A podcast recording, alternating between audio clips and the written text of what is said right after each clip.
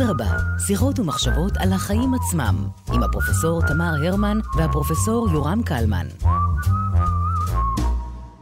שלום תמי.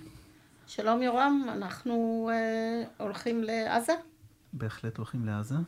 שוב, הפעם בצורה אחרת, ואנחנו נסתכל על זה מפרספקטיבה שונה. נכון, אנחנו היום אה, נדבר, בשיחה הזאת נדבר על אה, גוש קטיף ועל ההתנתקות, עם האורח שלנו, דוקטור שאול אריאלי.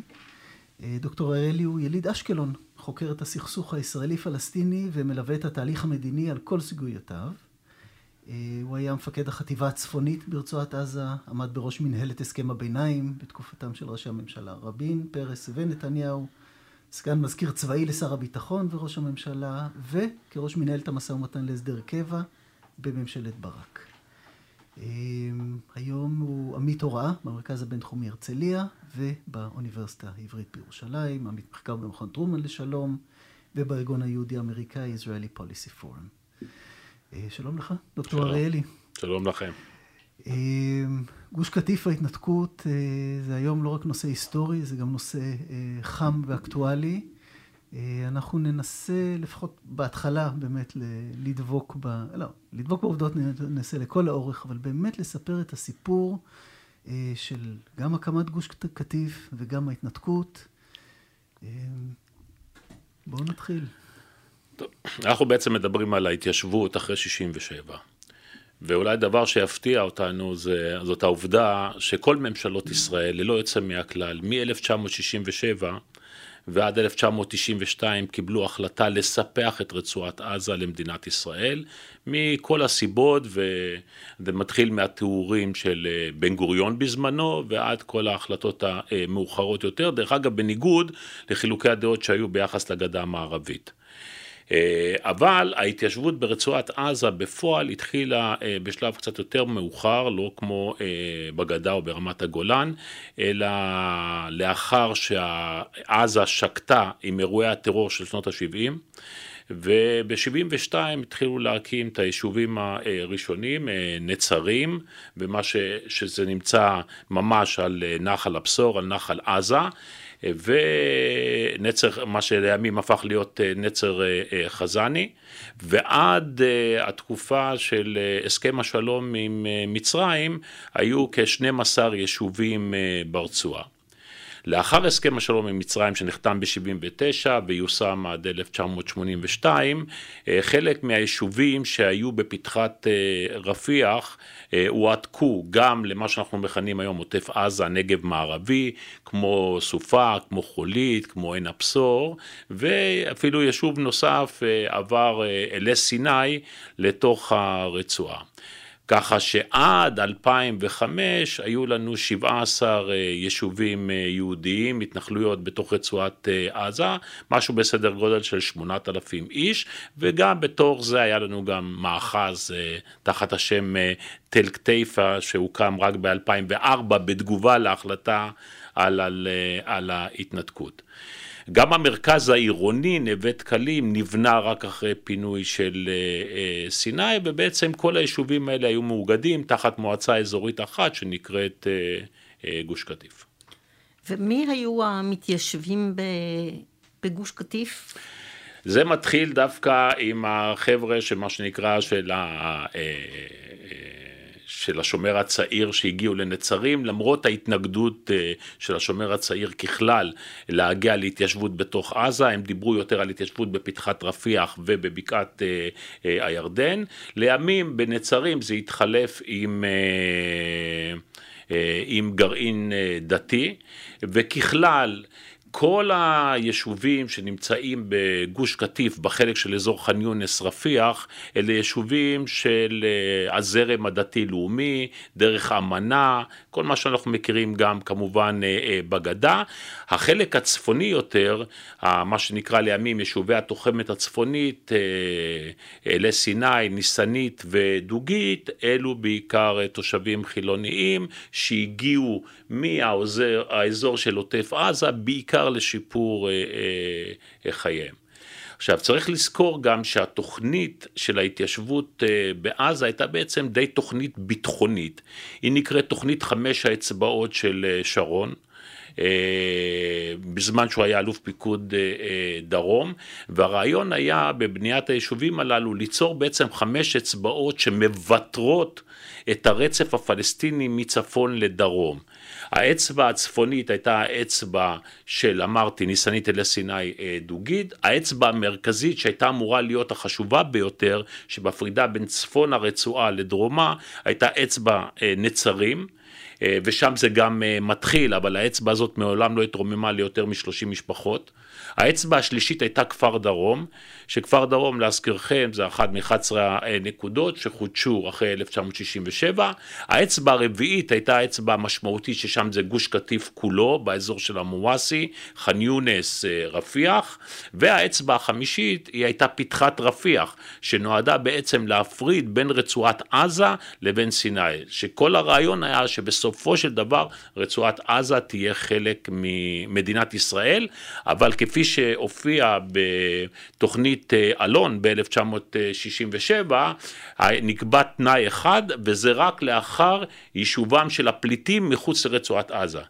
כי כפי שאתם יודעים, שני שליש מתושבי הרצועה הם בעצם פליטים של 48, אה, ואף אחד לא רצה להתמודד עם הנושא הדמוגרפי.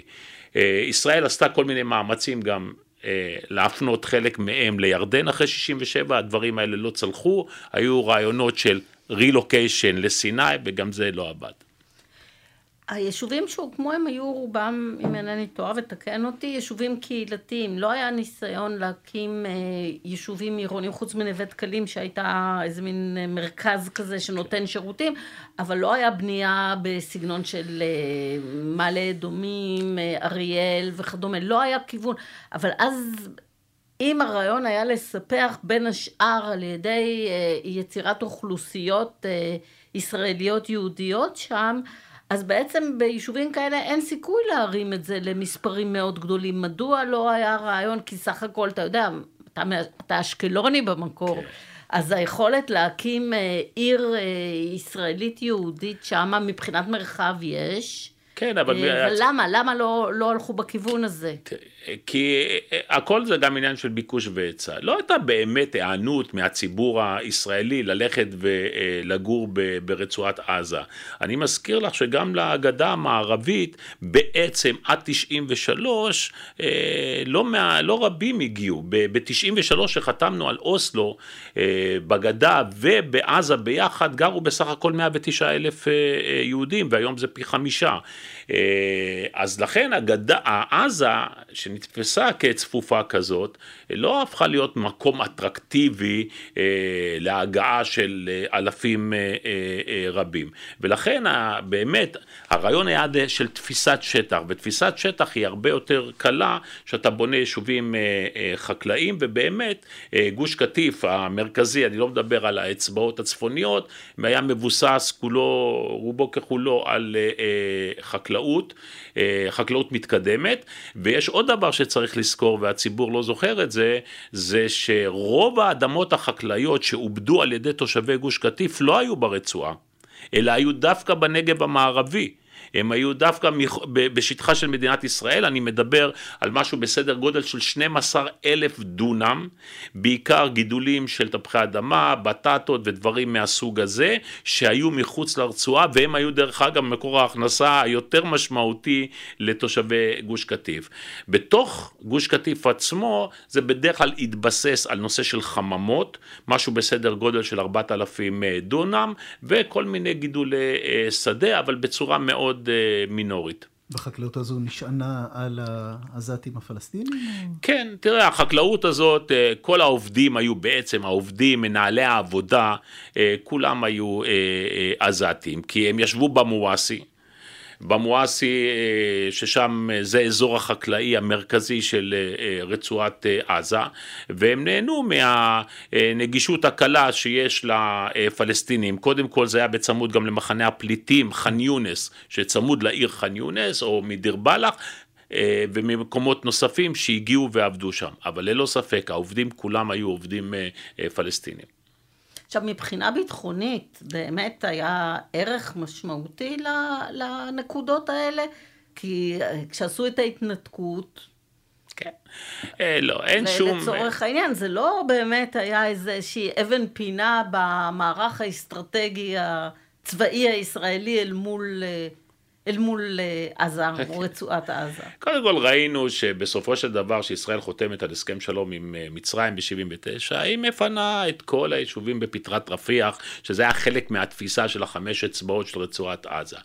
גם צריך לזכור ש... הרוב המכריע, כמעט כל היישובים ברצועת עזה, לא נמצאו בין עזה לבין ישראל כאיזה חגורת ביטחון, גם אם אפשר בכלל לקרוא לזה כך, אלא הם נמצאו בין ח'אן יונס ורפיח לבין חוף הים הנוח מאוד, כן, אה, אה, ואטרקטיבי. לכן לא היה בזה שום אה, יתרון, להפך. עם הזמן, בשל ההסלמה שהלכה והתפתחה, דווקא היישובים האלה חייבו השקעה חסרת תקדים אה, של כוחות. אני זוכר כמח"ט הצפונית בעדה, למשל בנצרים, היינו צריכים להשקיע גדוד שלם. לאבטח את אותם 30 משפחות, אה, לרבות הנסיעה לתוך היישוב, הליווי וכן הלאה, זה היה פשוט אה, לא סביר לחלוטין. לכן מבחינה ביטחונית לא הייתה שום תרומה לרצוע, ליישובים ברצועת עזה. אז uh, הזכרת את אריק שרון בתחילת השיחה, וכמו אקדח במערכה השלישית, בואו נגיע לה, להתנתקות. מה, מה באמת הרקע והסיפור עצמו. כן, הרקע להתנתקות היא בעצם גם התובנה שאליה מגיע אה, אריק שרון, והוא התבטא בעניין הזה יותר מפעם אחת, שאי אפשר להמשיך להחזיק שמונת אלפים אה, יהודים בתוך אוכלוסייה של מיליון וחצי פלסטינים אה, עוינים. אין לזה תוחלת ביטחונית, כי אנחנו שילמנו מחיר דמים יומיומי אה, ואין לזה תוחלת אה, אה, עתידית פוליטית כי לעולם לא נוכל לספח את רצועת עזה מבלי לפגוע במאפיינים היהודיים של מדינת ישראל.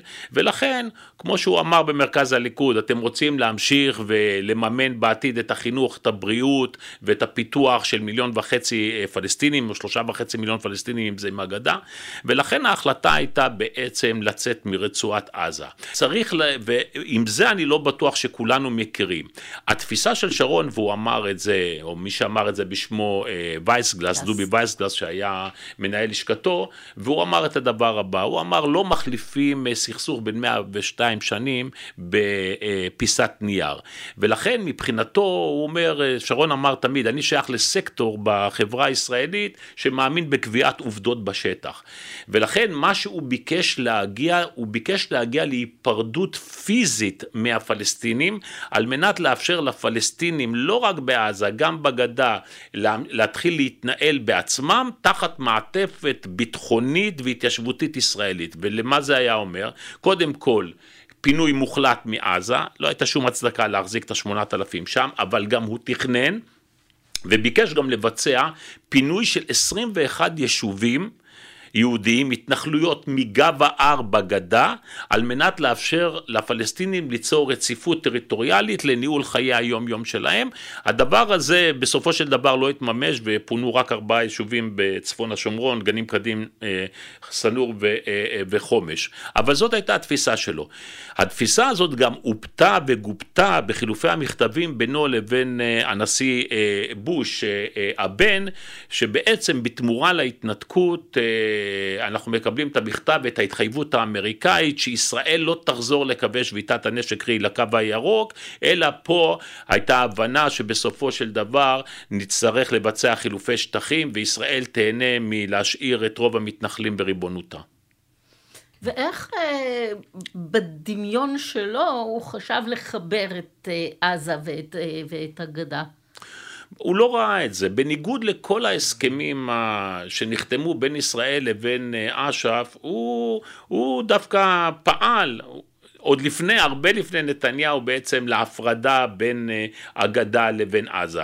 צריך להזכיר לכם שבהסכם אוסלו, ב-DOP, בהצהרת העקרונות, במבוא יש שם הסכמה והתחייבות ישראלית שעזה היא לא רק יחידה, אה, אה, עזה והגדה הם לא רק יחידה מדינית אחת, אלא היא גם יחידה גיאוגרפית. ולכן דובר כל הזמן, בכל המשאים ומתנים, ליצור פרוזדור, פרוזדור. לא מעבר בטוח, פרוזדור. פרוזדור. פרוזדור, ב, אה, אה, פרוזדור ברוחב של 100 מטרים, שיאפשר גם בנייה של מסילת רכבת, גם בנייה של כביש וגם הנחת תשתיות של מים וגז, והוא יהיה מעין בנפיט משמעותי לפלסטינים, כי הוא גם יאפשר להם לשלוט בעניין, אפילו בחיבור בין צפון אפריקה, בין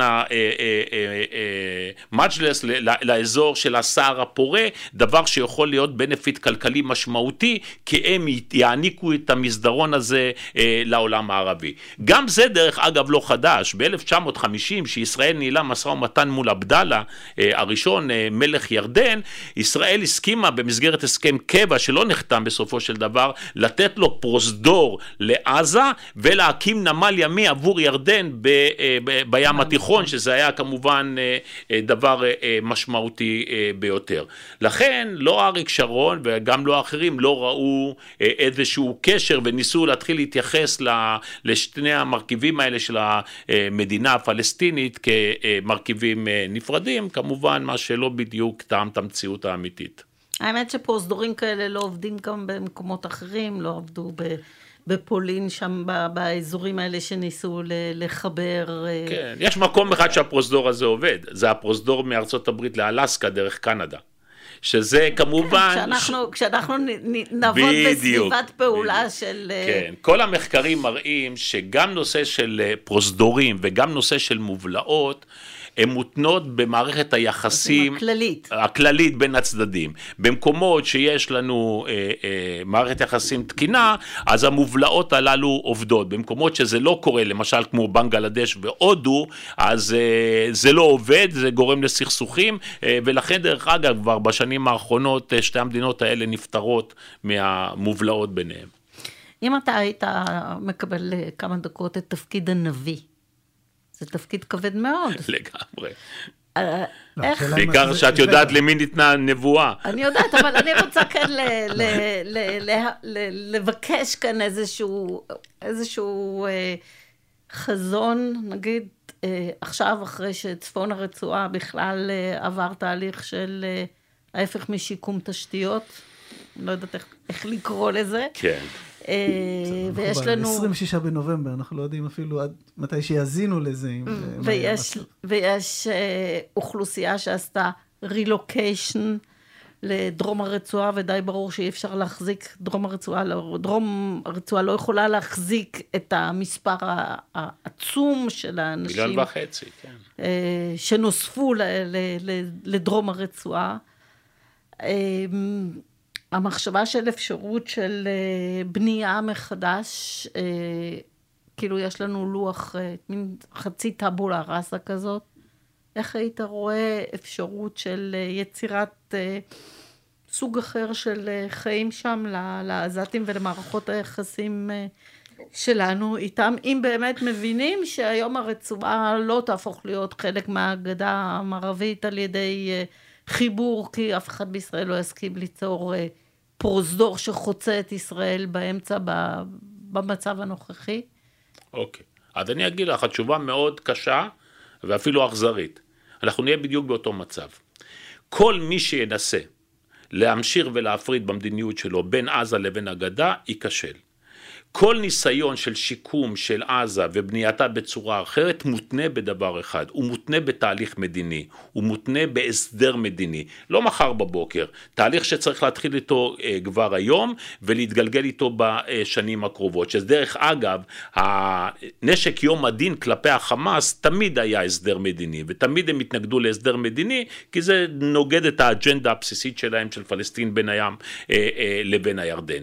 לכן, אנחנו צריכים לדבר כאן על תהליך ארוך עם אה, כמה אה, אה, מרכיבים, כדי לאפשר בסופו של דבר לפלסטינים עצמם, לנבחרים של הפלסטינים, לחזור ולנהל את, את עזה וליטול מאיתנו את המושכות, כי אחרת אנחנו הולכים להישאר בעזה הרבה זמן.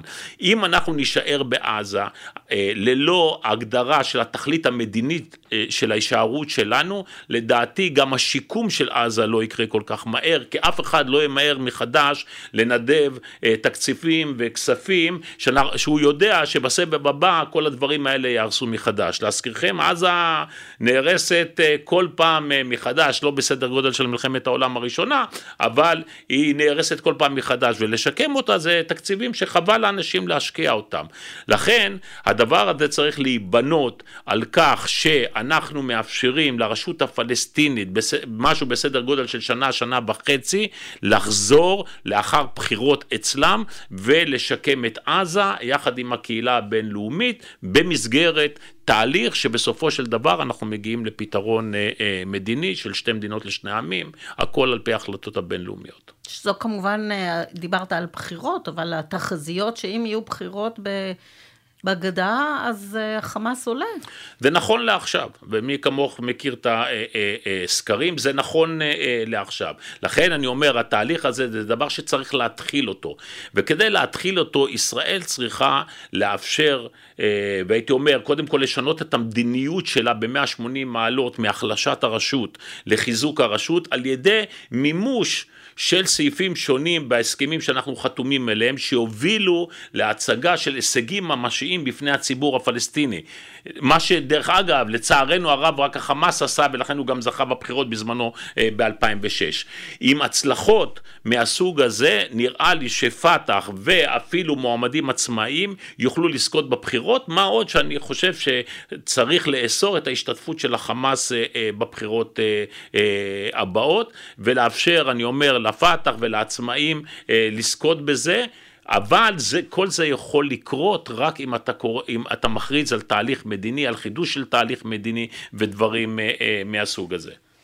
ואכן אנחנו שומעים אה, על אה, הנושא של התחלה של קולות שקורים בתוך הציבור הפלסטיני להקמת איזשהו משטר הצלה. שלא יהיה בהכרח אה, פת"ח או, אה, או חמאס, אלא משהו שיוכל להביא לאיזושהי התחלה של של שיקום, כמו שבארץ, היה, בישראל הייתה, היה דיבור על אה, הקמה של איזושהי אה, ממשלת מומחים לתקופת כן, מעבר. כן, ממשלת טכנוקרטים. טכנוקרטים כן, כן. לצורך העניין, אתה יכול לראות את זה תראי, זה הקו, כן, זה הקו שמוביל ביידן. ביידן יצא על זה הרי בהכרזות, הוא אומר, אה, צריך להפוך בעדינות את אבו מאזן לנשיא, מה שנקרא... של כבוד. של כבוד, וליצור ממשלת טכנוקרטים. שקודם כל תתמודד בראש ובראשונה עם השיקום של עזה, אפילו תחת השליטה הביטחונית והפיזית הישראלית, ובהמשך גם אה, אה, כמובן ללכת לשילוב אה, כוחות, ואנחנו רואים שבניגוד לישראל, המערכת הפלסטינית אכן נערכת לכך,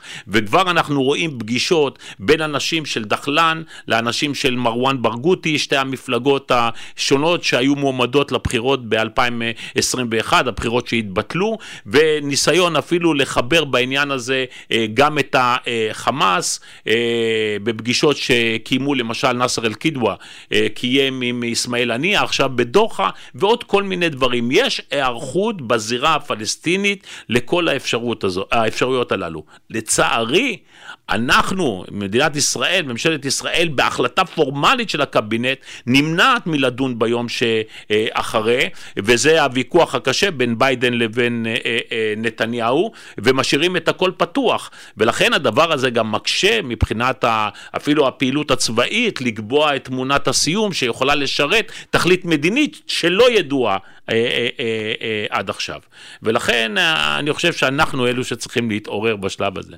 ובוודאי לא לאפשר חזרה של אה, התיישבות ישראלית. אה, ללא ספק, ב... ללא ספק. כל האמירות הללו הן אמירות מנותקות אה, מהמציאות בניסיון להחזיר את גוש קטיף. לטובת מה? לטובת מה? לאיזה תכלית? מה, מה הסיכוי של זה, כן?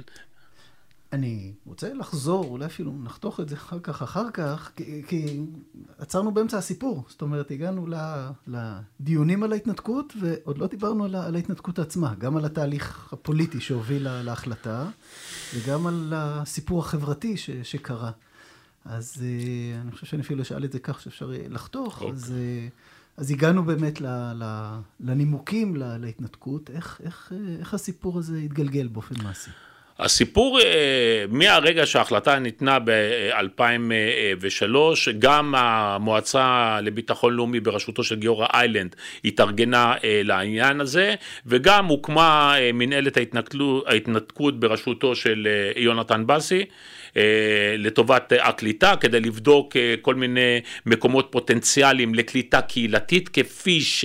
הקהילות השונות אה, אה, ביקשו את העניין הזה. אגב, הזכרת את ההחלטה, ההחלטה, יש היום הרי ויכוח אה,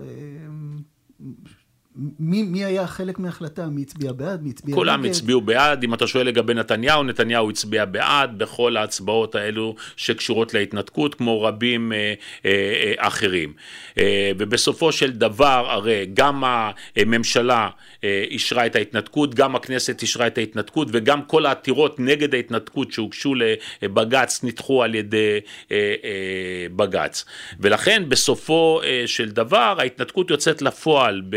קיץ 2005, אה, אה, ובעצם אלו ששיתפו פעולה אה, ישר עם המנהלת בתחילת דרכה, כמו למשל היישובים בתוחמת הצפונית, אלי סיני, ניסנית ודוגית, זכו מהר לפתרון עוד לפני היום הקובע, השאר קצת התמהמהו בעניין, אבל בסך הכל בסופו של דבר קיבלו גם פתרון וגם פיצויים כבדים. יש סיפור שאני מניח שלא כולם מכירים אותו, אבל צריך לזכור שהתושבים החקלאיים של גוש קטיף נהנו מפיצוי כפול עבור החממות שלהם. הם נהנו מפיצוי ששילמה ממשלת ישראל, כן, ואנחנו יודעים שהמספרים הגיעו בסופו של דבר למשהו בסדר גודל של 15 מיליארד שקל, כל הנושא של ההתנתקות, אבל אה, בארגון שאני אה, אה, הייתי חבר בו, הקרן לשיתוף פעולה כלכלית, אנחנו יזמנו את האפשרות שלא יהרסו את 4,000 דונם של החממות ויעבירו אותם בעצם לפלסטינים על מנת שזה יהווה איזשהו מנוע צמיחה ושיקום אה, אחרי היציאה והנסיגה הישראלית. בתחילה הם סירבו לעניין הזה, אבל הצלחנו לגייס לטובת העניין הזה אה, עם כסף אמריקאי כ-15 מיליון דולר, ובעצם שילמנו לחקלאים פעם נוספת 15 מיליון דולר נוספים עבור החממות שלהם, אה, ובתמורה הם אכן השאירו את החממות עם כל הציוד שם, וזה הועבר לשליטה פלסטינית. רק לצערנו, עם, עם מה שקרה ב-2006-2007 עם החמאס, הדברים האלה לא הפכו להיות למנוע צמיחה, כי מהרגע שהוטל סגר הם לא יכלו לייצא שום דבר, והדבר הזה נמחק לחלוטין. יחד עם זה צריך לציין שהפחדים הגדולים שהיו ב, אה, לקראת ההתנתקות, שיגיעו לסוג של אה, מלחמת אזרחים, אני רוצה להזכיר שהיו ממש אה, חששות של שימוש בנשק חם נגד המפנים וכדומה. בסופו של דבר עם כל הגודל של המחאה נגד, הפינוי עבר יחסית למעט מעט מאוד מקרים שגם הם אה, היו בשליטה. בסופו של דבר ההחלטה של המדינה ושל עומדים בראשה לקיים את ההתנתקות התקבלה על ידי אה, אה, כל הציבור הכתום של, של אותה תקופה. מה שאומר שבסופו של דבר כשמדינה מאותתת באופן מאוד ברור ונחרץ, ובשביל זה אתה צריך הנהגה מאוד נחרצת, שיש לה תוכנית פעולה והתוכנית הזאת היא ברורה בסופו של דבר, גם האזרחים שאינם אה, מבינים מדוע או אפילו מתנגדים לרציונל, הם אה, מקבלים ברוב המקרים את הדבר הזה, ואני חושבת שזה יכול להיות איזשהו אות לבאות, כי התוכנית ש, שתיארת בפנינו של יצירת איזשהו באמת המשכיות גיאוגרפית שתאפשר בסופו של דבר להגיע. לתהליך מדיני, הרי אחד מהשיקולים ש, שמפחדים מהם אומרים, אוקיי, ומה זה יגרום? זה יגרום מלחמת אזרחים. ו, וראינו כן. ש, שכשיש לך... אה, תוכנית ברורה, וכשיש לך נחרצות, וכשיש לך איזושהי הבנה עמוקה שמלחמת אזרחים יש לה מחיר מאוד מאוד גבוה, אז גם אלה שמדברים היום גבוהה גבוהה על, ה, על ההתנגדות שתהיה, ראינו מקרה ש, שחששנו ממנו, הוא בסופו של דבר על ידי גם הידברות עם ההנהגה של הגורמים שאמורים או יכולים, או מהם אנחנו חוששים, יש אפשרות להעביר, לבלוע גם צפרדעים אה, כן. גדולות זה, זה שילוב, מאוד. זה שילוב ללא ספק של כמה גורמים אה, שמובילים להצלחה מסוג הזה. קודם כל, כמו שאת ציינת, זאת בעצם הנחישות והתוכנית הברורה אה, של המנהיגות. דבר שני, זאת האווירה בציבור. האווירה בציבור היא די קובעת ומשפיעה על, על מי שמנסה בעצם להילחם בהחלטות האלו. והגורם השלישי זה מחייב, מחייב כמובן היערכות מתאימה של קליטה, של מקומות עבודה, של פיצוי ודברים אה, מהסוג הזה. אז רוב הדברים האלה אכן התקיימו במסגרת אה, תוכנית ההתנתקות ולכן גם ההנהגה הזאת של יש"ע גילתה ללא ספק אה, אחריות, דרך אגב באופן אישי הם שילמו על זה מחיר פנימי מאוחר יותר של נקרא לזה אה, כמעט הדחה. יחד עם זאת אנחנו צריכים לזכור שהזרם הזה, מה שפעם קראנו דתי לאומי והיום אני חושב שצריך לקרוא לו משיחי לאומני, הוא הרבה יותר קיצוני בעמדותיו אה, והוא מונהג על ידי אנשים קיצוניים מהסוג של בן גביר, סמוטריץ', סטרוק, אה, אה, דניאלה וייס ואחרים ואנחנו צריכים להיות אה, במקרה הזה של פינוי עתידי, להיות ערוכים טוב יותר אה, וגם לאפשרות של אה, אלימות אה, מצד המתנחלים הללו. נראה לי שהסיפור אה, תם אך לא נשלם. אה, אי אפשר בלי איזה קלישה. ואני חושב שזה היה, היה מאוד מעניין באמת לחזור לתקופה. אפשר להמשיך ולדון בהשלכות וכך הלאה, אבל זה כבר יהיה בשיחות אחרות. דוקטור אריאלי, תודה רבה. תודה רבה לכם.